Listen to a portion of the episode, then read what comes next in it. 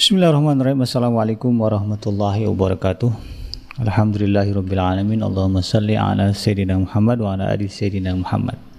Kembali berjumpa di udara di gelombang 104 AM iDream Radio Successful Muslim Family dalam program dalam program ngaji from home.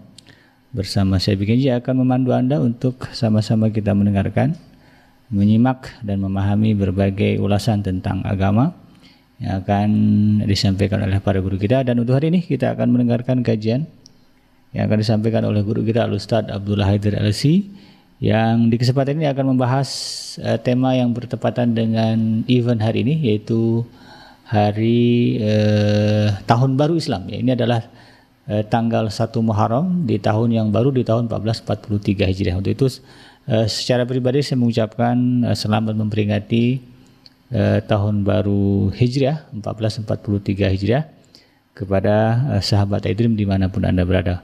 Dan supaya lebih bermakna mengenai eh, apa sesungguhnya eh, tahun baru Muharram, eh, tahun baru Hijriah ini bagi kita, ada baiknya kita menyimak eh, kajian pada hari ini akan disampaikan oleh guru kita dengan tema menggali makna hijrah di tahun baru Hijriah. Untuk itu bagi Anda yang nanti ingin bertanya kepada guru kita terkait dengan berbagai materi yang beliau sampaikan, silakan menyampaikan pertanyaan di kolom komentar uh, atau juga bisa langsung menyampaikan pertanyaan melalui nomor WhatsApp uh, iDream Radio di nomor 0822 9881044. Insyaallah segala pertanyaan yang masuk akan kita sampaikan kepada guru kita sebatas waktu yang beliau berikan. Sebelumnya saya ucapkan uh, jazakumullah bagi Anda yang sudah menekan tombol like dan juga subscribe dan untuk memaksimalkan uh, pahala ya di dalam mengikuti program kajian ini uh, ada baiknya Anda menyebarkan atau share kepada sahabat, kerabat, family Handai Tolan sehingga kemudian semakin banyak orang yang akan mendapatkan manfaat dari program kajian ini. Baik, eh, tidak berlama-lama kita akan langsung menuju, eh, menuju kepada guru kita Ustaz Abdullah Hidri LC yang akan membahas tema menggali makna hijrah di tahun baru hijrah. Kepada beliau saya persilakan. Assalamualaikum warahmatullahi wabarakatuh. Waalaikumsalam. Bismillahirrahmanirrahim. Alhamdulillahi rabbil alamin. Wassalatu wassalamu ala sayyidina Muhammadin wa ala alihi wa ashabihi ajma'in amma ba'd. اللهم علمنا ما ينفعنا وانفعنا بما علمتنا اللهم زدنا علما نافعا وعملا متقبلا أما بعد saya, sahabat Yadrim yang dimuliakan Allah Subhanahu wa taala uh, semoga kita selalu berada dalam uh, perlindungan Allah, kasih sayang Allah dan keberkahan Allah Subhanahu wa taala dan uh, semoga kita selalu termotivasi untuk uh, mendekatkan diri kita kepada ajaran dan syariat Allah Subhanahu wa taala.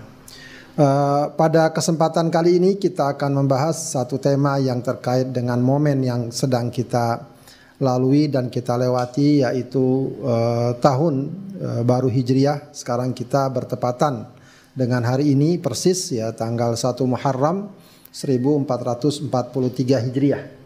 Ya, meskipun tentu saja pergantian waktu uh, itu selalu kita alami setiap hari, ya, setiap detik bahkan setiap detik, setiap hari, setiap pekan, setiap bulan dan setiap tahun. Ya, akan tapi memang uh, pergantian tahun hijriah ini uh, tentu memiliki nilai khusus, ya, nilai tersendiri. Ya, setidaknya dia memiliki latar belakang historis yang cukup uh, penting untuk kita pahami. Ya, karena uh, penetapan tahun baru Hijriah ini uh, ditetapkan berdasarkan nilai-nilai yang bersumber dari uh, nilai ajaran ajaran Islam dan inilah yang selayaknya kita gali ya kita pahami mendalam agar pergantian tahun ini Eh, memberikan makna lebih baik dan lebih besar kepada kita sekalian. Sahabat Adrim yang dimuliakan Allah Subhanahu wa taala, sebagaimana kita ketahui bahwa uh, penetapan tahun Hijriah ditetapkan pada masa Khalifah Umar Ibnul Khattab radhiyallahu an. Ya, uh, sebelumnya tidak atau belum dikenal ya, penanggalan atau ketetapan tahun Hijriah. Ya, maka Umar bin Khattab radhiyallahu an berembuk dan memusyawarahkan perkara ini kepada para penasehatnya dari kalangan para sahabat ya untuk menetapkan penanggalan ini. Ya. Ada dua perkara yang ditetapkan ketika itu. Pertama adalah uh, apa atau bulan apa yang akan ditetapkan sebagai bulan pertama dalam penanggalan yang akan ditetapkan. Dan kemudian yang kedua adalah peristiwa apa atau sejak kapan ya penanggalan ini dimulai. Begitu ya. Maka untuk memutuskan ketetapan pertama ya terjadi semacam dialog, semacam usulan, ada yang mengusulkan uh, bulan Ramadan, bulan Dzulhijjah, bulan yang lainnya, namun akhirnya yang ditetapkan adalah bulan Muharram ya sebagai bulan pertama dalam penanggalan Hijriah ini. Kenapa bulan Muharram? Karena bulan Muharram terletak setelah bulan Dzulhijjah dan bulan Dzulhijjah boleh dikatakan sebagai bulan puncak dan pamungkas dari setiap amal ibadah kaum muslimin karena di sana ada ibadah haji, ibadah kurban dan ibadah-ibadah utama lainnya. Seakan itu merupakan penutup ya dari rangkaian amal dan ibadah setahun sebelumnya, maka Muharram dianggap sebagai pembuka atau awal dari rangkaian ibadah untuk setahun ke depan. Ya, jadi ini sangat tampak bagaimana uh, penanggalan Hijriah ini betul-betul dilandasi oleh ya nilai-nilai uh, dasar dalam uh, kehidupan seorang muslim ya dalam da, dengan nilai keimanan dan keislaman. Kemudian yang kedua ditetapkan uh, berdasarkan peristiwa apa atau kapan ya penanggalan ini dimulai. Ya, maka diusulkan berdasarkan kelahiran Rasulullah, berdasarkan peristiwa Isra Mi'raj, berdasarkan uh, ketetapan kenabian. Namun yang kemudian disepakati dan diambil sebagai patokan adalah berdasarkan peristiwa hijrahnya Rasulullah Sallallahu Alaihi Wasallam dan para sahabatnya. Jadi tahun terjadinya hijrah Rasulullah Sallallahu Alaihi Wasallam maka ya itu menjadi patokan atau awal dari uh, tahun yang akan ditetapkan. Maka kemudian tahun yang ditetapkan ini ditetapkan oleh umat Islam ini dikenal sebagai tahun Hijriah. Ya, jadi kalau ditanya bagaimana kenapa kok dinamakan sebagai tahun Hijriah? Ya, karena memang ditetapkan berdasarkan peristiwa hijrahnya Rasulullah Shallallahu Alaihi Wasallam. Padanannya adalah tahun Masehi disebut tahun Miladiah ya karena ditetapkan berdasarkan kelahiran Nabi Isa alaihis alaihis salam. Ya. Nah tentu yang menjadi pertanyaan adalah kenapa kok hijrah Rasulullah Shallallahu Alaihi Wasallam yang ditetapkan sebagai tahun pertama dalam uh, uh, penanggalan hijriah ini? Ya. Tentu tidak terlalu sulit untuk mendapatkan jawaban dari permasalahan ini karena memang peristiwa hijrah Rasulullah dan para sahabatnya ya merupakan peristiwa besar, peristiwa agung, peristiwa yang sangat monumental, yang sangat menentukan ya dan membedakan antara dua kondisi dari kehidupan dan dakwah serta perjuangan Rasulullah dan para sahabatnya. Ya, berawal dari kondisi yang tertindas, yang tertekan, diintimidasi, dikejar-kejar, bahkan tidak jarang ada yang disiksa dan dibunuh. Lalu setelah hijrah ke Madinah, kondisi berubah. Kaum muslimin sedikit demi sedikit berhasil membangun kekuatan, kekompakan, kejayaan, keunggulan ya, hingga akhirnya 8 tahun kemudian setelah hijrah ke Madinah mereka dapat kembali ke Mekah dan menundukkan kota Mekah dalam peristiwa Fathu Fathu Mekah. Ya. Bayangkan bagaimana hijrah ke Madinah ini memberikan perubahan yang sangat luar biasa. Meskipun tentu permasalahan tersebut semua tidak berdiri sendiri, ya karena banyak sekali faktornya, banyak rangkaian-rangkaian sejarahnya. Akan tapi eh, tidak bisa tidak perkara hijrah ini memang perkara yang sangat monumental. Ya, apalagi ternyata ketika kita akan gali dan kita kaji, eh, memang hijrah ini eh, merupakan sebuah sikap ya yang sangat uh, berharga, yang sangat bernilai. Dia bukan sekedar masalah perpindahan tempat, ya, tapi sesungguhnya hijrah ini ya memiliki nilai ya memiliki makna yang sangat dalam ya, yang bukan hanya kita bisa nilai sebagai sebuah peristiwa sejarah ya tapi dia harus juga menjadi bagian dari nilai kita ya untuk mendapatkan hasil sebagaimana yang dihadap, didapatkan oleh Rasulullah Sallallahu Alaihi Wasallam dan para sahabatnya, yaitu kemenangan, keberhasilan, begitu ya, kemuliaan, kesuksesan dan semacamnya. Baik, kita coba menggali makna hijrah ini ya dalam perspektif yang lebih luas dan lebih dalam. Uh, hijrah berasal dari kata al-hajr. Al-hajr itu dari segi bahasa namanya atarku, meninggalkan. Ya.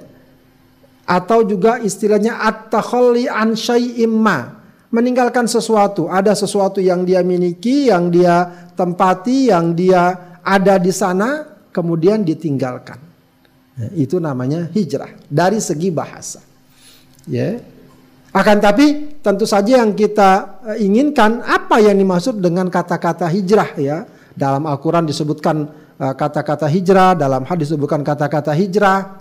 Ya, apakah dia sekedar perpindahan seseorang dari satu tempat ke tempat yang lain? Ya, tentu tidak sesederhana itu.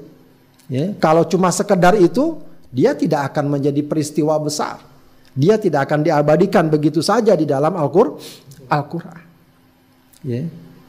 Yang dimaksud hijrah dalam perspektif syariat atau nilai-nilai agama adalah bagaimana ya seseorang atau sebuah sikap, sebuah tindakan ya yang dilakukan oleh seseorang dalam rangka meninggalkan sesuatu karena Allah. Jadi memang e, makna dasar hijrah ini ada sesuatu yang ditinggalkan. Cuma masalahnya karena apa dan karena siapa sesuatu itu ditinggalkan? karena Allah. Ya, ini yang nanti akan sangat membedakan ya hijrah ini ya yang dikenal dalam nilai Islam dengan hijrah dengan makna umum ya sebab hijrah dengan makna umum semua akan berlaku siapa saja yang pindah dari satu tempat ke tempat lain dia disebut hijrah ya seseorang dari desa ke kota dikatakan hijrah dari satu negeri ke negeri lain dikatakan hijrah Ya, sampai sekarang eh, orang-orang yang pindah dari satu negeri atau mungkin mencari suaka, mencari perlindungan, mencari apa, dikatakan mereka al-muhajirun. Ya. Para uh, para imigran. Eh, orang-orang uh, yang berpindah dari satu tempat ke tempat yang lain.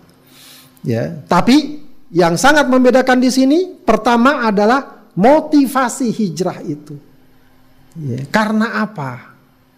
Bukan semata karena urusan dunia, bukan semata karena ingin mencari pekerjaan, ingin pindah ke satu tempat atau ingin kabur dari satu daerah, bukan hanya itu.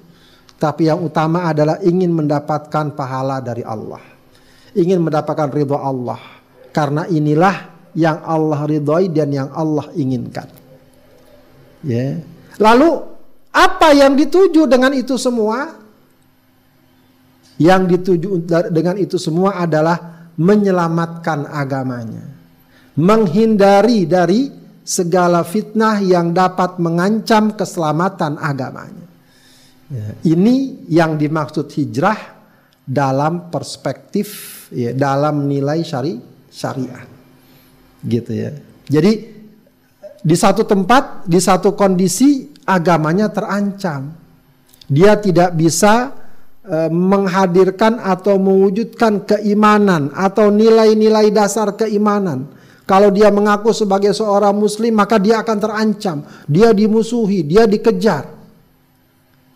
Lalu demi menyelamatkan imannya, demi menyelamatkan Islamnya, maka dia tinggalkan tempat tersebut. Dia cari tempat yang aman agar dia dapat mewujudkan keimanannya, agar dia dapat mewujudkan Islamnya, itu semua tak lain dilakukan untuk apa? Untuk mendapatkan ridho Allah Subhanahu wa taala. Ini yang namanya hijrah. Begitu ya. Ini yang namanya hijrah. Nah, e, bentuknya ya, bentuknya bisa dalam bentuk hijratul makan, meninggalkan tempat. Ya, ada satu tempat yang di sana penuh dengan kemaksiatan. Ada satu tempat di mana dia tidak uh, berat atau sangat sulit untuk menghadirkan keimanan, dia tinggalkan. Ya. Dan ini yang terjadi pada masa Rasulullah Shallallahu Alaihi Wasallam dan para sahabatnya. Meskipun tentu hijrahnya Rasul dan para sahabatnya berdasarkan ketetapan dan keputusan Allah Subhanahu Wa Taala. Bahkan dia sudah menjadi perintah sehingga semua sahabat harus ya hijrah dari Mekah ke Madi ke Madinah. Harus hijrah dari Mekah ke Madinah. Begitu ya. ya. Bisa jadi dalam kondisi tertentu ada seseorang ya berada dalam suatu tempat yang tempat itu merupakan ya sumber kemaksiatan, ya tempat kemaksiatan maka dia tinggalkan tempat itu. Ya, dia tinggalkan tempat itu. Ya, ini juga bagian dari hijrah. Selama tujuannya apa? Tujuannya adalah untuk menjaga agamanya. Tujuannya adalah apa? Untuk mencari ridho Allah Subhanahu wa taala. Ada lagi hijratul af'al. Al-af'al, al-a'mal ya Eh, at-ta'alim ya eh, meninggalkan perbuatan, meninggalkan amaliyah, meninggalkan nilai-nilai.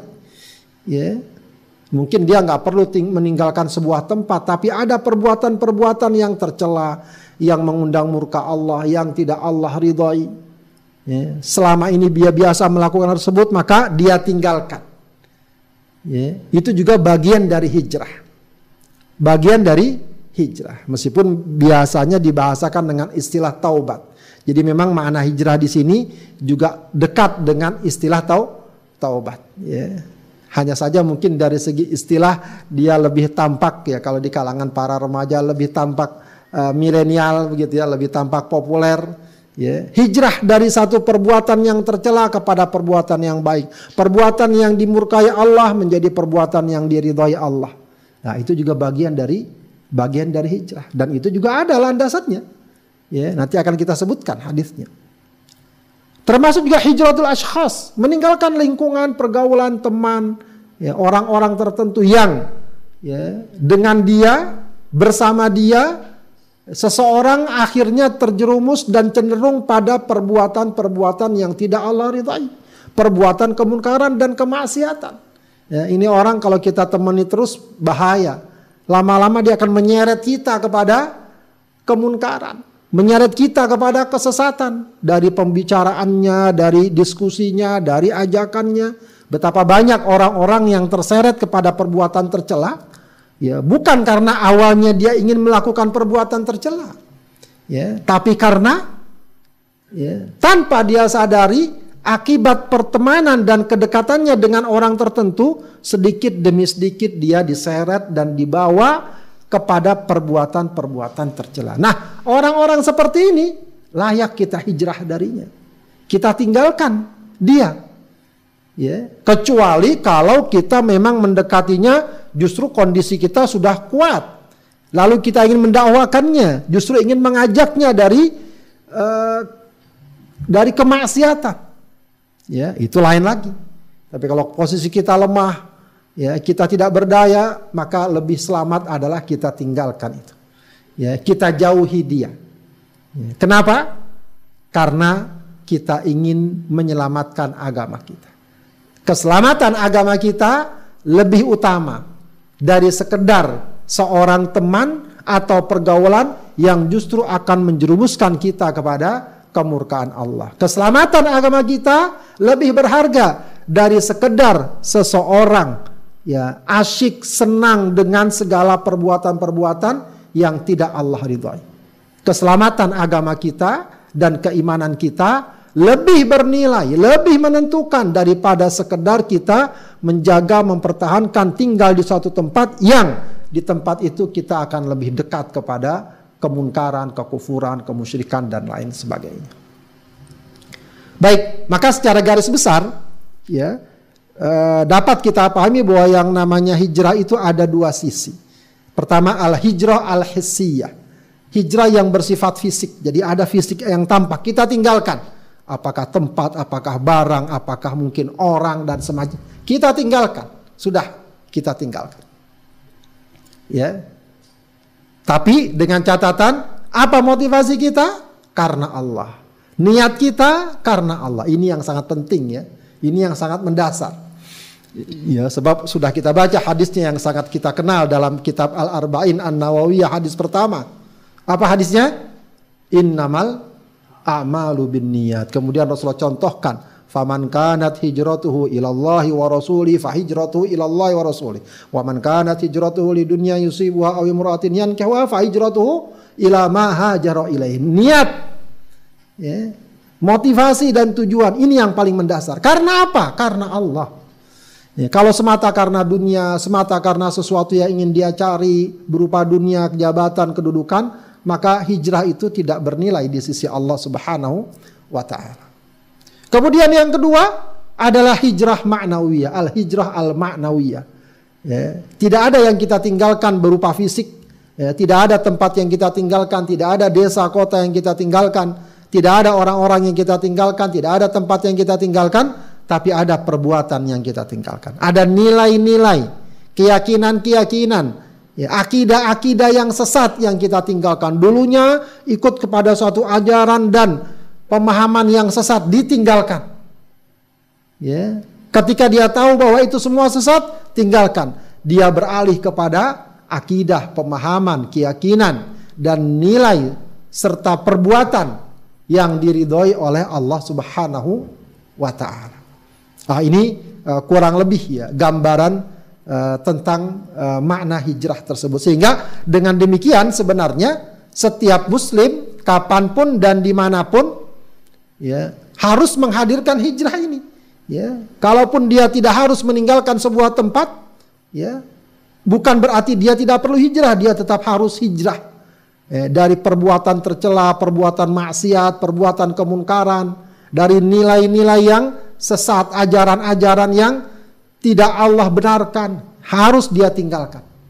Ya, tidak bisa seseorang beribadah namun dia masih enteng dengan maksiat. Tidak bisa orang mengaku saya beriman kepada Allah namun akidah-akidah yang batil, yang sesat, ya, yang secara prinsip memang sangat tidak dibenarkan, masih dia yakini atau masih dia diterima, masih dia terima. Itu masih belum hijrah namanya. Ya masih belum mewujudkan nilai dari hijrah tersebut. Kita perhatikan surat Al-Muzammil. Allah Subhanahu wa taala berfirman, ini Allah berfirman kepada Rasul di awal-awal kenabian. Allah katakan wasbir ala ma yaqulun.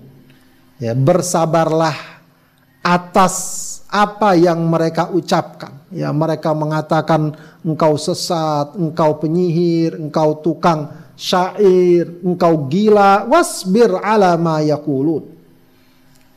Maka kemudian Allah katakan apa? Wahjurhum hajron jamila. Ya. Dan selisih selisih selisihilah selisihilah mereka. Selisihilah mereka. Ya, maksudnya tinggalkan mereka, jauhi mereka. Ya, tapi dikatakan di sini hajron jamila. Ya, dengan cara yang baik ya karena memang Rasulullah masih lemah, tidak berdaya, tidak bisa melawan, maka ya sudah tinggalkan mereka. Ya, ini sudah menunjukkan bahwa sebenarnya Rasulullah dan para sahabatnya sudah hijrah lebih dahulu sebelum hijrah dari Mekah ke Madinah. Mereka sudah hijrah dari kemusyrikan, hijrah dari kekufuran, hijrah dari orang-orang yang selama ini menjadi gembong, menjadi promotor, ya menjadi pelopor kemusyrikan, kekufuran, kemunkaran dan kemaksiatan. Wahjurhum hajron jamila. Ya maka ini juga sebenarnya bisa menjadi uh, prinsip kita ya ketika kita menghadapi situasi di mana ya setidaknya kita tidak bisa berdaya menghadapi berbagai macam kemungkaran dan kemaksiatan wahjurhum hajron jamila. Setidaknya kita tinggalkan itu. Ya kita jauh kita jauhkan. Ya ini yang boleh dikatakan sebagai spirit dan semangat hijrah yang selalu harus ada dalam diri seorang muslim. Kemudian dalam surat Al-Muddathir ya dan kita tahu ya surat Al-Muzammil Al-Muddathir juga berdekatan turunnya, turun pada masa-masa awal kenabian. Ya. Allah mengatakan warrujza fahjur. Perbuatan keji, dosa, kemaksiatan fahjur tinggalkan. Ini satu akar kata dengan hijrah tadi. Ya, ini uh, apa namanya pesan-pesan Allah ya kepada Rasulullah uh, saat uh, untuk menghadapi tugas-tugas kenabian yang sangat berat, menghadapi tugas-tugas dakwah yang sangat berat maka kalau dalam surat Al-Muzammil Allah tekankan qiyamul lail dan semacamnya, surat Al-Mudathir juga Allah tekankan beberapa nilai ya yang Allah sebutkan ya ayyuhal muddathir kum fa'anzir wa rabbaka fakabbir wa thiyabaka fatahhir wa fahjur wala tamnun tastakfir. Ya. salah satunya adalah apa? Perbuatan keji dosa kemunkaran kemaksiatan apalagi kekufuran dan kemusyrikan fahjur. Tinggal tinggalkan ya, jadi dari sini sekali lagi menguatkan ya bahwa hijrah ini mestinya memang merupakan mentalitas setiap muslim Ya. Setiap muslim. Tentu saja disesuaikan dengan kondisi dan situasinya. Ya. Kalau Rasul dan para sahabatnya hijrahnya sudah sampai dalam level harus meninggalkan tanah kelahirannya yang sangat dicintainya yaitu negeri Mekah. Dilakukan juga. Kenapa? Karena itu dituntut untuk menyelamatkan agamanya dan keyakinan keyakinannya. Kemudian dalam hadis riwayat Bukhari dan Muslim Ya, Rasulullah juga mengatakan dan menguatkan wal muhajir man hajaroma nahallahu anhu wal muhajir. Adapun orang yang hijrah. Orang yang hijrah, al muhajir. Siapa orang yang hijrah itu?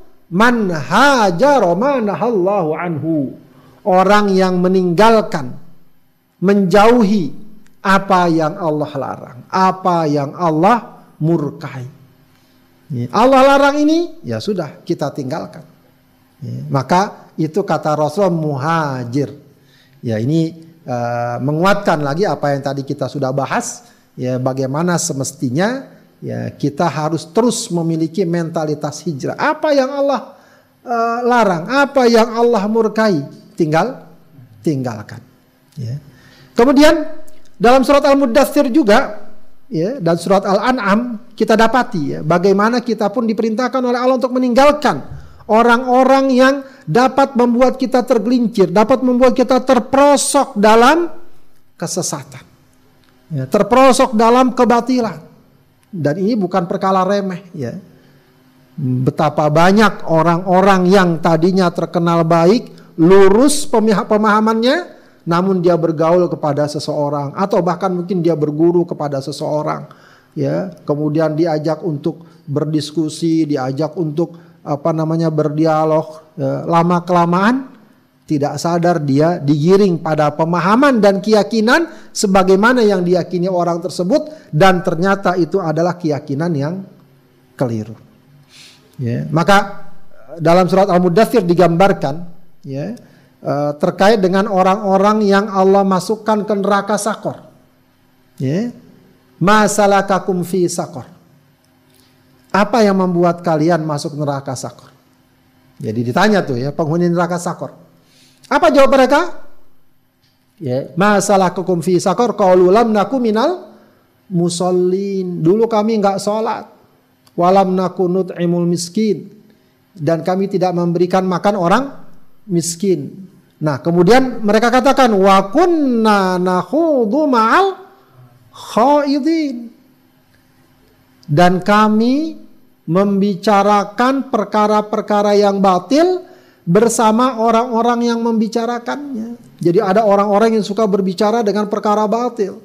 Baik kebatilan itu berbentuk uh, tadi ya akidah ya akidah yang tidak benar diajarkan. Mungkin diajarkan bahwa tidak ada hari kiamat. Diajarkan bahwa malaikat tidak ada. Diajarkan bahwa ada nabi setelah rasul. Macam-macam akidah dan keyakinan. Ya. Nah dia masuk ikut di sana. Bisa jadi awalnya dia tidak ikut meyakini tersebut. Namun lama-lama karena dia asyik dengan perkumpulan seperti itu orang-orang seperti itu lama-lama ikut dengan pemahaman dan keyakinan seperti mereka. Ini yang menjadi salah satu sebab dia ya kalau dalam Al-Qur'an masuk ke dalam neraka sakor. Wa kunna nakhudhu ma'al khaidin. Makanya dalam surat Al-An'am ayat 68 Allah ingatkan itu.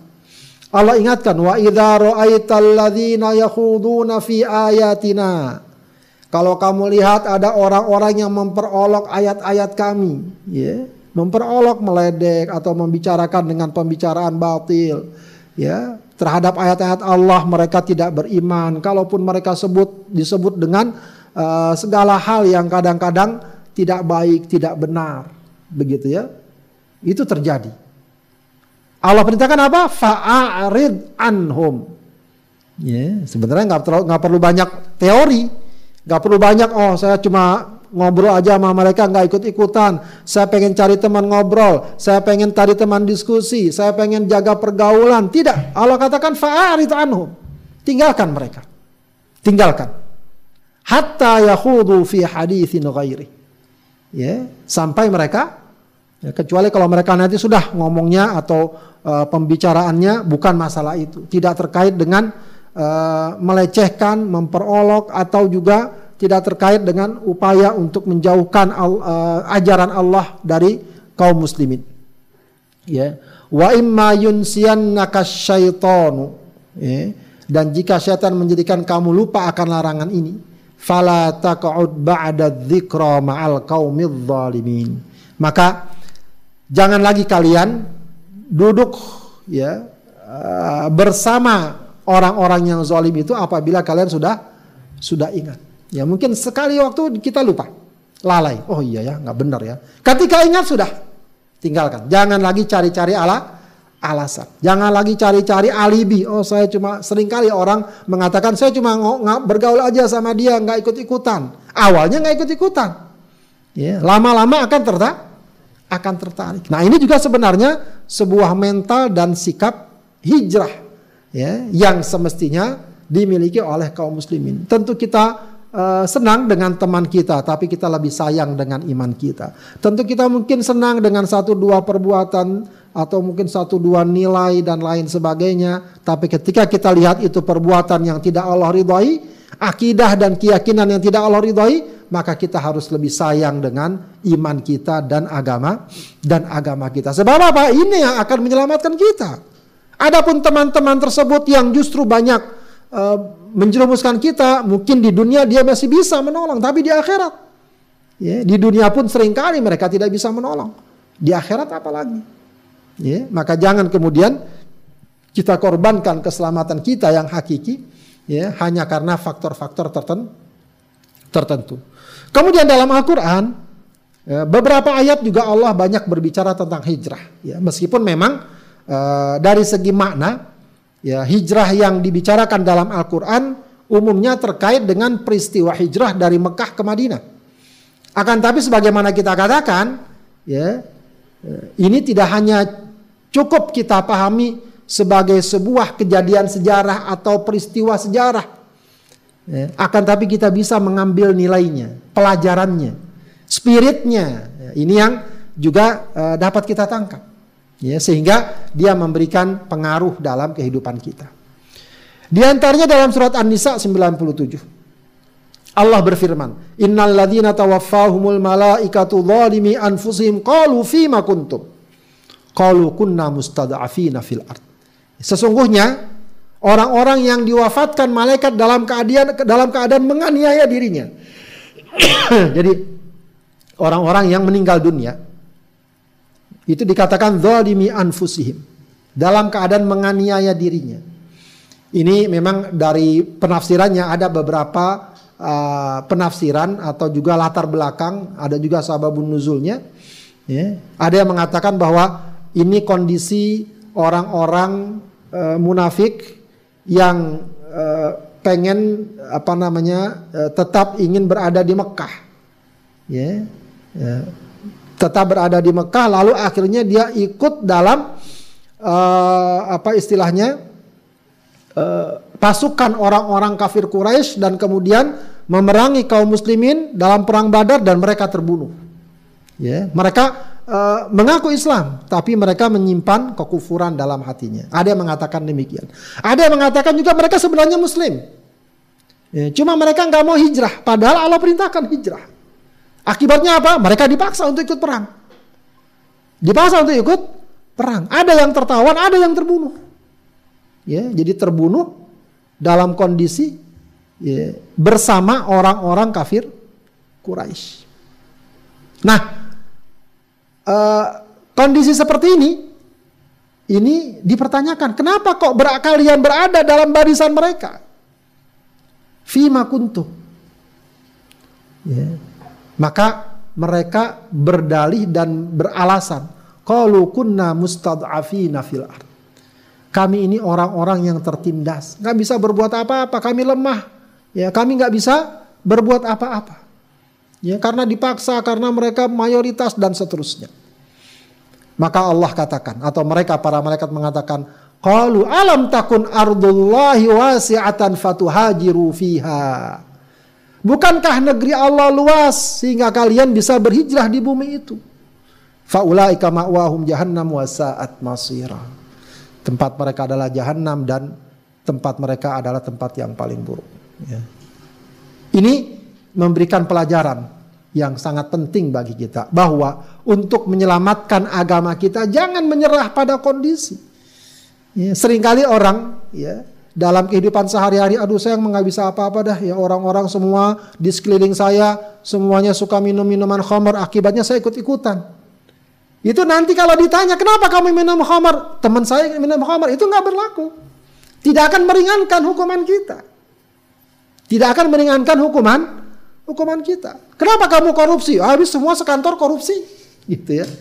Itu bukan alasan. Bukan ala, bukan alasan. Anda dapat menentukan sih, menentukan sikap. Oh, tidak bisa ini. Walaupun mungkin nanti saya dimusuhi, mungkin saya nggak mau korupsi. Saya nggak mau minum khamr, saya nggak mau berzina. Walau kondisi situasi sangat mendukung. Maka kita harus cari jalan. Nah inilah mental hijrah. Ya, seperti orang tadi, oh saham kami lemah. Gak, oh, kalau kamu lemah ya sudah, kamu tinggalkan tempat itu. Alam takun ardullahi wasi'afatu hajiru fiha. Lihat para sahabat yang lain. Ya, sahabat mereka juga lemah, tapi mereka tinggalkan. Udah nggak apa-apa lah, nggak apa-apa Mekah tanah kelahiran saya, tapi agama saya lebih utama. Maka begitulah sikap seorang muslim. Ya, memang berat kadang-kadang ketika kita berada dalam satu situasi yang di sana mau tidak mau kita harus terseret pada sesuatu yang tidak Allah ridhoi. Maka bismillah, tinggalkan itu. Insya Allah akan kita dapati bumi Allah sangat luas, kita bisa mencari tempat yang lain dan seterusnya. Ya, ini tentu dalam situasi kita tidak bisa memilih. Tapi kalau kita masih bisa memilih tanpa harus meninggalkan tempat tersebut, yang penting saya nggak berbuat kemunkaran, yang penting saya nggak berbuat kemaksiatan, yang penting saya tidak melakukan kemusyrikan dan kekufuran, maka kita perkokoh dan kita kuatkan. Intinya adalah jangan menyerah pada kondisi. Untuk apa? Menyelamatkan agama. Ya. Justru agama ini justru kita kuatkan untuk menghadapi kondisi dan situasi kita masing-masing. Kita masing-masing. Jangan kita perlemah. Begitu ya. Kemudian dalam ayat lain surat An-Nisa ayat 100 Allah berfirman, Wa man yuhajir fi sabilillah yajid fil ardi muraghaman katsiran wasa'ah.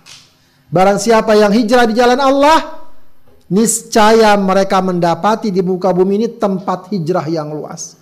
Ya, jadi kalau orang mau cari, ya mau meninggalkan sesuatu, ya dari apa yang sebelumnya dia tempati, di tempat yang lain akan dia dapati. Ternyata luas, ternyata lebih luas, ya dan wasa'ah. Bukan hanya itu.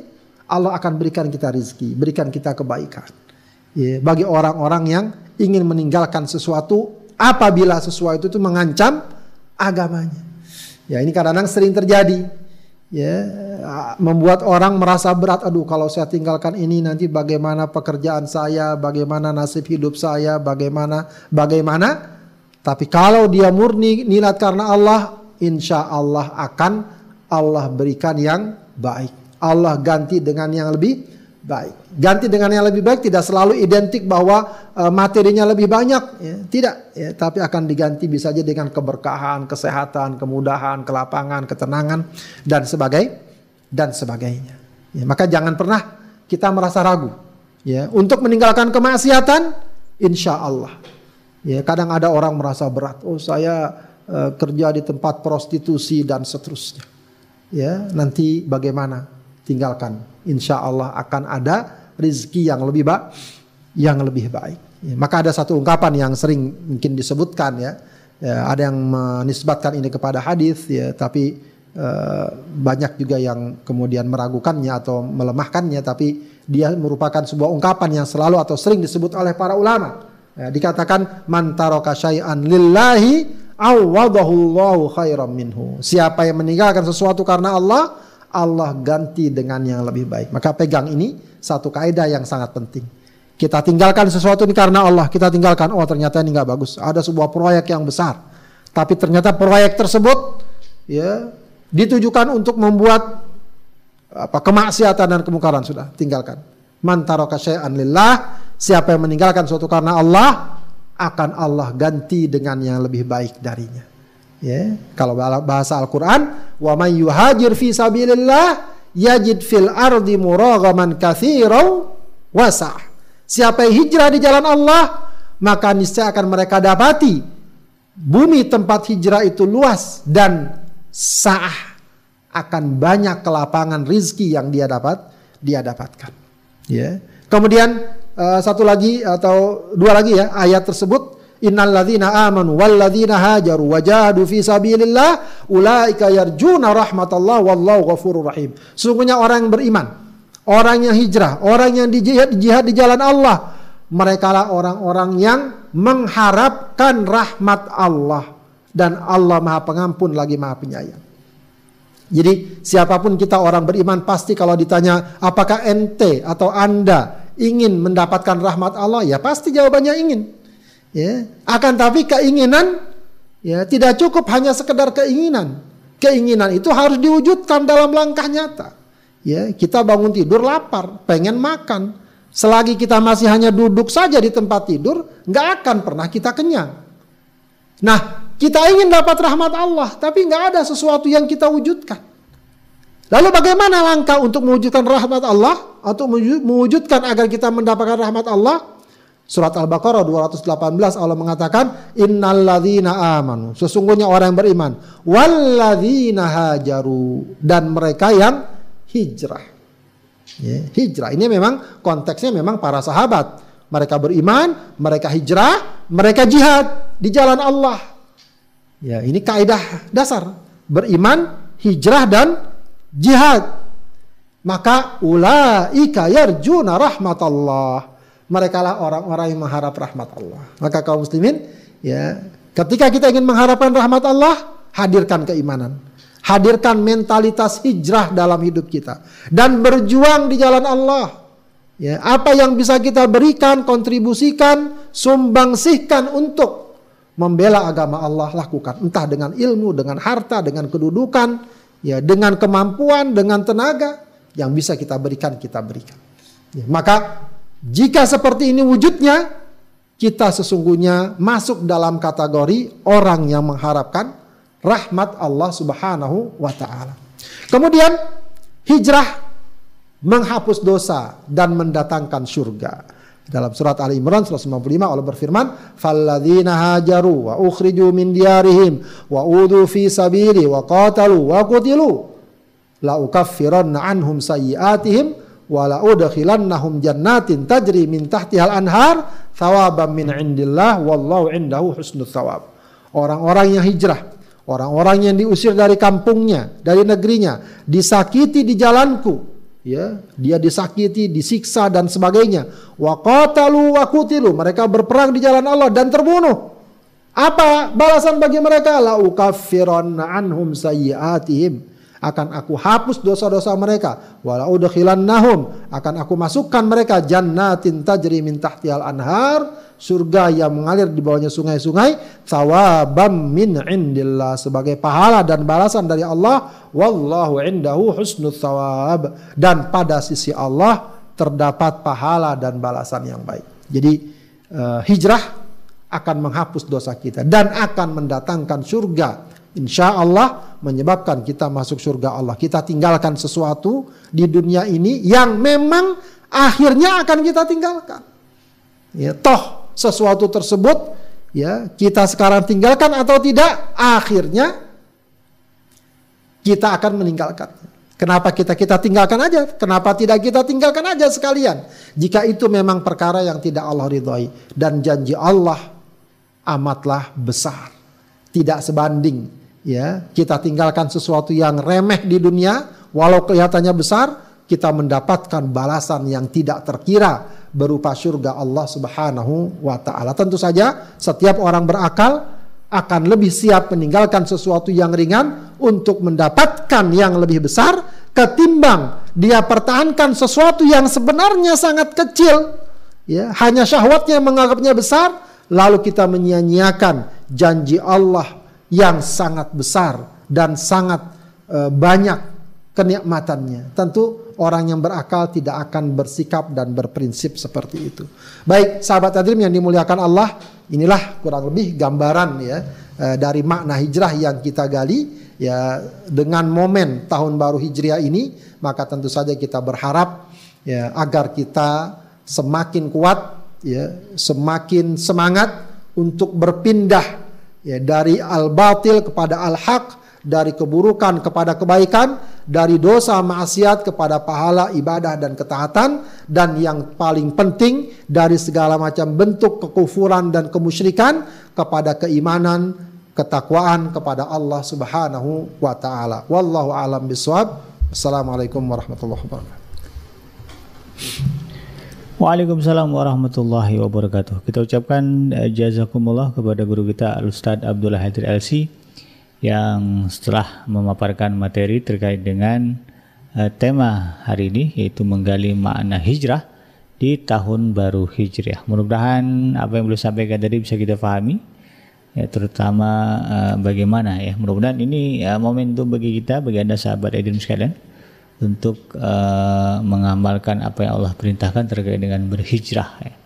Meskipun hijrah dalam konteks uh, tidak fisik ya, tetapi hijrah secara maknawi meninggalkan segala bentuk uh, kemunkaran, ke, uh, kemaksiatan yang mungkin ya uh, masih menjadi perbuatan kita di tahun yang lalu. Uh, baik sahabat Adrim yang dirahmati Allah di mana berada sebelum kita lanjutkan ini sebagai informasi bahwa acara ngaji from ini uh, terselenggara berkat kerjasama antara iDream Radio dengan Kazwa ya uh, platform uh, pembiayaan syariah online. Kemudian juga dengan Biro Haji dan Umrah uh, Patra Tour bagi anda yang ingin uh, mengetahui detail terkait dengan Patra dan juga Kazwa silakan uh, layari uh, laman web ya. Untuk Patra anda bisa langsung melayari di www.patra.com uh, uh, www.patratur.com kemudian untuk Kozwa Anda bisa langsung melayari uh, di uh, www.kozwa.com Uh, mudah-mudahan uh, ke, apa namanya kepedulian anda ya untuk uh, mendukung program ngaji Pondok ini Allah balas dengan balasan yang berlipat-lipat. Baik sahabat dan yang dirahmati Allah di mana pun anda berada, uh, ada waktu hingga pukul 17.15 uh, menit waktu Indonesia bagian barat bagi Anda yang ingin menyampaikan pertanyaan, saya persilakan langsung uh, tulis saja pertanyaan Anda di kolom komentar. Nanti kita akan sampaikan kepada guru kita Ustaz Abdullah Haidir Alesi sebatas waktu yang beliau berikan. Dan untuk mengawali uh, sesi uh, diskusi Ustaz, mungkin nanti kalau ada jamaah yang sambil jalan nanya. Uh, kalau tahun baru uh, apa tahun baru apa Masehi Ustaz ya, Samsiah ya di bulan Januari biasanya kan masyarakat uh, biasanya uh, apa banyak yang heboh begitu ya uh, melakukan perayaan-perayaan gitu Ustaz. sehingga terkesan ada momen yang berbeda gitu atau istimewa. Nah dalam konteks tahun baru Hijriah uh, apakah uh, kita boleh melakukan hal serupa tapi dalam format yang berbeda Ustaz? Misalnya kayak uh, di sekolah-sekolah atau di masjid-masjid ada perlombaan-perlombaan yang sifatnya bagaimana kemudian membesarkan tahun baru hijriah ini. Ini kira-kira gimana Ustaz dalam pandangan syariat? Ya, uh, pertama hendaknya kita memahami dan menyadari bahwa penanggalan hijriah ini merupakan warisan yang sangat besar ya, yang sangat agung dan sangat mulia yang diwariskan oleh para salafus soleh khususnya para sahabat eh, pada masa Umar bin Khattab radhiyallahu an. Sehingga sampai sekarang kita masih bisa uh, merasakan warisan tersebut berupa penanggalan hijriah yang hmm. uh, menjadi jati diri kekhususan kekhasan dari kaum kaum muslimin karena biasa setiap umat memang memiliki jati dirinya. Setiap umat punya penanggalan-penanggalannya. Hmm. Ya, bukan hanya Masai ada penanggalan ini, penanggalan itu dan lain sebagainya. Kita di Jawa ya, ada juga. Di Jawa ada juga begitu ya. Itu memang sebuah kekhasan dan keistimewaan yang kita juga memilikinya. Dan bahwa kita senang, bergembira, ya bangga dengan itu sudah semestinya. Oke. Ya, malah sebenarnya ya selayaknya semestinya ini jadi penanggalan kita juga. Ya untuk misalnya menentukan tanggal tanggal perkawinan kita kapan nih misalnya. Aduh. bulan Syawal tanggal bulan Syawal gampang biasanya. Ya kalau bulan Dzulhijjah saya masih ingat dulu orang tua itu punya jadwal pengajian. Iya. itu dia pakai Kalender Hijriah, kalender ya? Hijriah. Masya Allah. begitu ya bulan Rabiul Awal Rabiul Tsani. Nyaris nggak pernah disebut tuh bulan Januari apa. Jadi kuat pakai cuma memang semakin ke sini semakin eh, tidak atau jarang terdengar ya. Mestinya seorang muslim paling tidak secara pribadi akrab dengan bulan-bulan hijriah ini. Sekarang bulan apa? Kapan mulai perpindahan bulan? Tanggal berapa? Begitu ya. Itu mestinya setidaknya dia paham. Begitu ya. Setidaknya dia eh, setidaknya dia paham. Karena apa? Karena penanggalan hijriah ini berkaitan dengan sejumlah ibadah Iya. Eh, dan pengamalan ya kalau kita bisa belajar zakat misalnya di antara syarat zakat itu harus ada haul Nah, haul hitungin dari nah, mana? haul itu dari mana dari tahun hijriah bukan tahun masehi Iya. begitu ya harus ada haul setiap bulan kita disunahkan untuk puasa pertengahan bulan Nah, Ya, bulan jangan apa? jangan tengah bulan Januari salah ya tengah bulan Hijriah. hijriah begitu ya atau tahun kita nih uh, kalau ditanya Abi Kanji berapa usianya Eh, ah, ini Ustaz kalau itu kalau pakai tahun masehi beda dengan tahun hijriah lebih tua Ustaz ya. Ya, kalau tahun hijriah masih lebih tua begitu ya. Ya itu artinya mestinya ya kita eh, Iya. paling tidak eh, kita ingatkan lah ya eh, bahwa penanggalan ini penanggalan yang memang merupakan jati diri kita, kebanggaan kita kaum muslimin. Karenanya kalaupun misalnya ada awal tahun lalu kaum muslimin memberikan respon positif, bergembira dan semacamnya tidak masalah ya selagi wajar itu wajar ya. Jadi kalau ucapan-ucapan apa ya greeting begitu ya, ucapan Ya, selamat, selamat amin wa antum bi khair, selamat tahun baru. Itu sesuatu yang wajar saja. Oke. Dia bagian dari urf, bagian dari Ada adat budaya yang dibangun berdasarkan nilai dan ajaran Islam. Ajaran Islam ya. Kalaupun bikin sejumlah acara menyambut peringatan tahun baru, ada ceramah, ada pengajian iya. atau mungkin di sebagian masyarakat memang Zikir. ada doa melepas akhir tahun, menyambut awal tahun, sesuatu yang sebenarnya wajar. Dia bukan sesuatu yang dilarang secara khusus ya. Tidak ada larangan secara khusus memang kalau dikaitkan oh nggak ada contoh daripada Rasulullah. Iya, tidak ada contohnya akan tetapi kalaupun ada ada riwayat memang sejumlah riwayat yang uh, diperdebatkan kesahihannya begitu ya. Akan tapi setidaknya orang berdoa ya kapan saja Iya. ada momen tertentu dia ingin berdoa bagus Boleh. sekali. Momen tertentu anaknya mau nikah dia berdoa. Iya. Ya, sesuatu yang indah begitu. ya. Jadi nggak perlu kita harus berkeras berkeras keras soal ini. Lain halnya kalau misalnya momen eh, tahun baru ini ya seperti eh, orang-orang tertentu, orang-orang lain ya hura-hura, pesta pora. Nah, itu yang tidak kita inginkan. Oh, buka panggung gembira, apa orkes dangdut segala macam. itu tentu tidak tidak kita harapkan ya apa berputar-putar kemudian menunggu akhir tengah malam ada Hmm, gitu. nah itu sampai pada Petasan. kemudian perbuatan-perbuatan eh, kemunkaran, kemaksiatan, hubungan bebas. Nah, itu jelas tidak kita inginkan. Tidak boleh hal seperti itu. Baik atas nama tahun baru atau bukan tahun bukan tahun baru. Jadi eh, penyambutan sewajarnya dari kaum muslimin akan adanya tahun baru ini tidak mengapa. Itu sesuatu yang selayaknya atau layaklah paling tidak. Ya, karena ini memang merupakan eh, warisan dan hasanah dari umat dari umat Islam. Wallahu a'lam. Iya. Soalnya kalau tidak dibuat sesuatu yang berbeda di tahun baru, anak-anak kita malah jadi nggak tahu itu. Betul, ya karena memang dengan hal tersebut, eh, dengan seperti ini yang ada di tengah masyarakat, setidaknya orang diingat, oh tahun baru ya, oh iya berarti kita harus apa begitu ya. Kemudian ada sesuatu yang kemudian membuat dia eh, tertarik ya, oh ini tahun baru kita harus lebih baik dan seterusnya. Tidak mengapa, itu bagus juga. Baik, baik. Jadi eh, yang punya komunitas ya, terutama di komplek-komplek, ya, mungkin karena pandemi nih, ya, semuanya di rumah ppkm, jadi tidak ada euforia. Tapi kalau nanti sudah kembali normal, ada baiknya diadakan ya peringatan-peringatan yang sifatnya eh, mengingatkan ya dan juga sekaligus mengajarkan kepada terutama anak-anak ya agar mereka tahu dan paham tentang eh, tahun baru hijriah. Adapun orang-orang yang eh, maaf nyinyir ya, ya begini dan begitu itu kita abaikan saja. Baik Ustaz. Kemudian saat yang kedua eh, terkait dengan ayat yang tadi ketika malaikat mencabut nyawa orang-orang yang disebut sebagai munafik atau mereka yang kemudian eh, wafat dalam keadaan misalnya eh, menganiaya diri sendiri dan kemudian mereka mengelak dengan mengatakan mereka orang-orang yang lemah dan tertindas lalu kemudian malaikat mempersoalkan kenapa enggak hijrah. Apakah ini dimaknai bahwa bisa saja dalam konteks atau keadaan kita tertentu itu wajib hijrah, wajib gitu. Jadi wajib hijrah itu. Ya, uh, memang kalau pada masa itu, pada masa Rasulullah wajib hijrah, karena memang perintahnya jelas. Heeh. Itu jadi sebuah perintah. Baru kemudian sampai ketika setelah Fatu Mekah, baru Rasulullah mengatakan la hijrata ba'dal fathi. Tidak lagi wajib hijrah dari Mekah ke Madinah setelah peristiwa Fathu Mekah. Jadi yang mau tinggal di Mekah, tinggal di Mekah silakan. Yang mau tinggal di Madinah, tinggal di Madinah sila, silakan. Bagi kaum muslimin. Heeh. Ya. Nah, eh, hal ini kalau memang terjadi satu situasi dan kondisi di mana di suatu tempat dia tidak dapat mewujudkan keimanannya atau prinsip-prinsip dasar Islamnya, katakan dia sholat nggak boleh, ketahuan Iya. sholat akan terancam segala macam. Ya memang dalam kondisi seperti itu, ya dia memang bisa jadi eh, hijrah menjadi pilihan yang diharuskan. Hmm, Begitu wajib ya. Ya, bisa menjadi wajib kalau seandainya di situ dia nggak bisa ngapa-ngapain. Ya mungkin dalam konteks yang sederhana misalnya Hmm. eh, kita bekerja di suatu tempat, di tempat itu pokoknya nggak boleh sholat. ya. 5 menit istirahat gitu ya. Walau ini 5 menit nggak boleh. Pokoknya dilarang di tempat ini sholat. Iya. Ya dia harus pindah itu kalau kayak gitu. Iya, wajib Ustaz ya. Wajib kayak gitu. Waduh sayang saya gimana pak?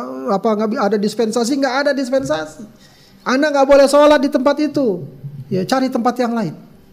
Itu kalau di sebuah tempat ya. Di sebuah negeri bisa jadi. Meskipun secara umum eh, relatif sekarang tidak ada sesuatu, suatu tempat di mana orang gara-gara dia Muslim lalu kemudian dibunuh misalnya. Kalaupun ada mungkin beberapa kasus ya, ya kayak di Myanmar segala macam yang kita dengar. Ya, tapi itu mungkin ada perkara-perkara lain ya.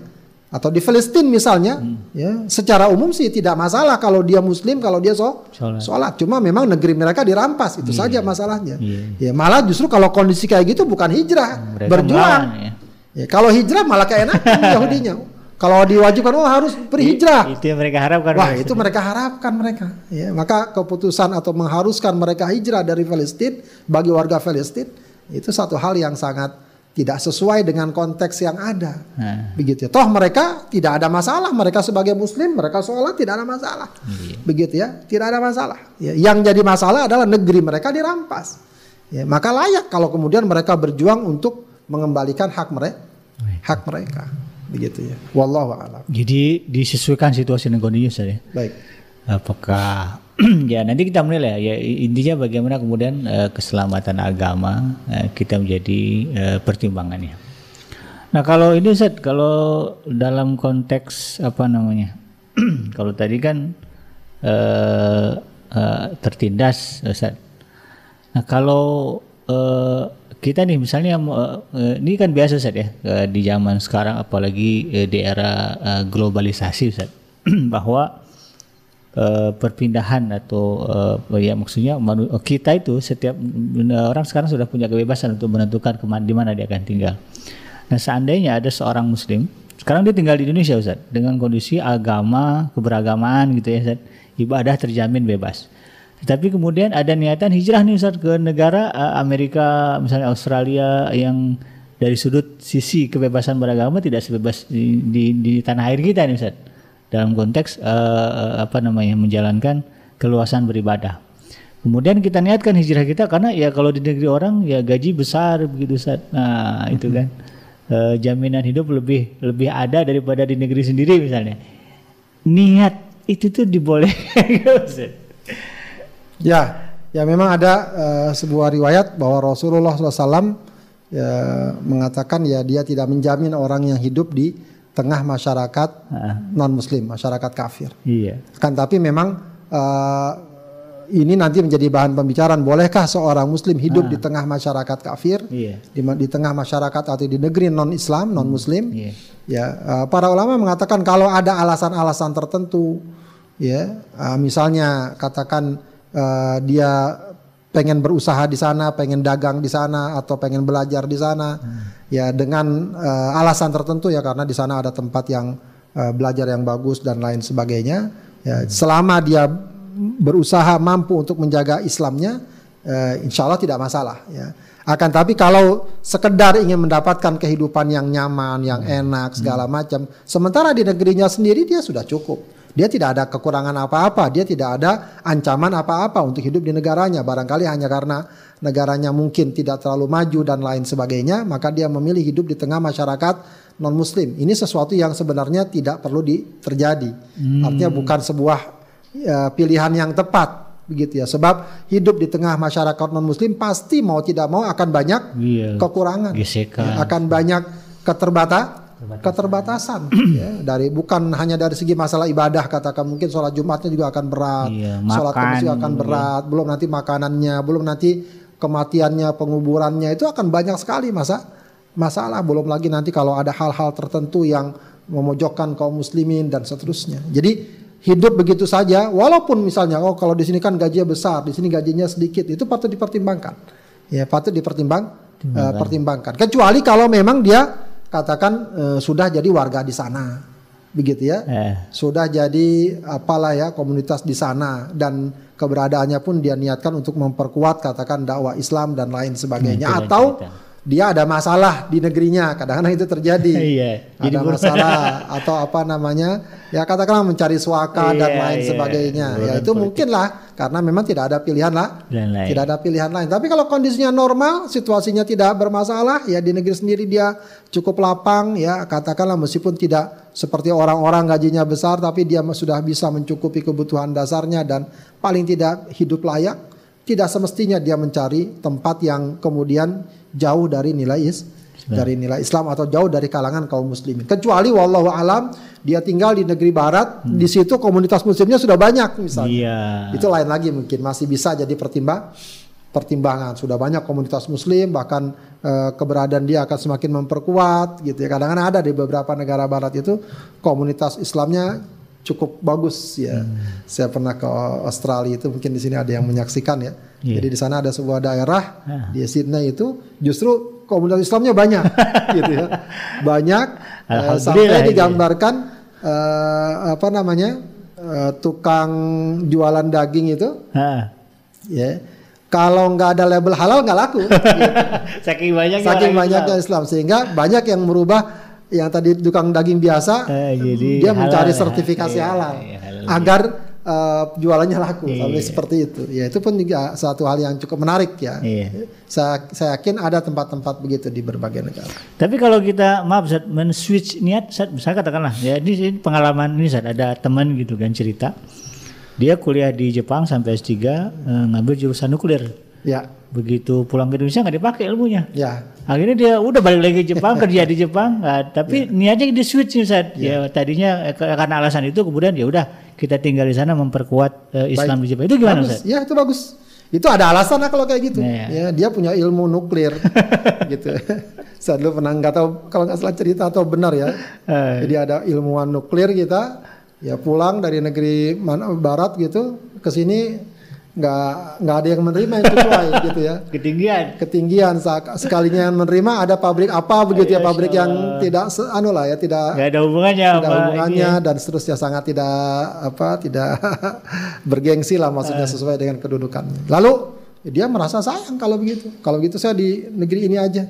Ya, karena di sini masih sesuai dengan keahlian dan lain sebagainya. Ya tidak mengapa kalau memang itu terjadi. Karena ilmu juga sangat berharga. Sepanjang dia bisa menjamin dan komitmen untuk tetap menjaga akidahnya, iman dan Islamnya dan juga dia niatkan bagus kalau dia niatkan juga ya untuk uh, misalnya memperkuat kaum muslimin uh, dakwah Islam di sana karena memang uh, dakwah Islam di berbagai negara-negara minoritas itu sangat didukung oleh keberadaan para pendatang. Iya. Ya. Sangat didukung oleh keberadaan para pendatang Ya tentu saja juga ada penduduk warga asli ya di sana, tapi yang lebih dominan dan lebih menentukan adalah memang para pendatang. Jadi uh, memang tidak kita katakan yang pindah ke barat apa nggak benar tidak ya. Tentu masing-masing ada alasannya. Yeah. Cuma kalau kita begitu saja pindah ke sana karena pengen senang-senang atau pengen fasilitas lebih tidak selayaknya. Yeah. Ya, wallahu a'lam. Ya, baik baik. Mudah-mudahan sahabat Adrim yang mengalami situasi yang disebutkan tadi uh, tinggal ini jadikanlah momentum uh, tahun baru Hijriah ini untuk merubah atau men-switch niat gitu ya. Baik Ustaz, sepertinya waktu tidak uh, memungkinkan lagi untuk dilanjutkan.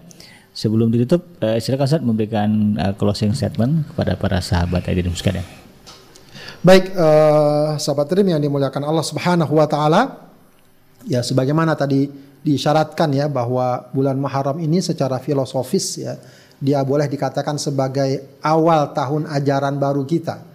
Ya ini juga bertepatan nih sekarang juga eh, mulai awal tahun ajaran baru untuk anak-anak kita, adik-adik yeah. kita iya. yang sekolah ya. Yeah. Kurang lebih. Nah, ini juga boleh kita katakan awal tahun ajaran baru kita atau atau awal tahun amal kita. Ya, maka dari itu uh, kita kuatkan diri kita, ya kita uh, kuatkan motivasi kita untuk menghasilkan amal yang lebih baik, lebih bagus dari tahun-tahun sebelumnya. Ya, dan dengan begitu, maka spirit dari tahun Hijrah ini akan sangat tampak uh, dalam kehidupan kita. Itu saja barangkali. Mudah-mudahan bermanfaat. Assalamualaikum warahmatullahi wabarakatuh. Waalaikumsalam warahmatullahi wabarakatuh. Demikian sahabat Edrim yang dirahmati Allah tuntas sudah kebersamaan kita dalam program Ngaji From Home edisi hari Selasa tanggal 1 eh, Muharram 1443 Hijriah atau bertepatan dengan tanggal 10 Agustus tahun 2021. Mudah-mudahan apa yang disampaikan oleh guru kita Al-Ustaz Abdullah eh, menjadi ilmu bagi kita semuanya. Dan saya bikin pamit undur dari ruang dengar Anda. Mohon maaf atas segala kehilapan dan kekurangan. Subhanaka Allahumma rabbana wa bihamdika. Asyhadu an la ilaha illa anta astaghfiruka wa atubu ilaik. Walhamdulillahirabbil alamin. Wassalamualaikum warahmatullahi wabarakatuh. Waalaikumsalam.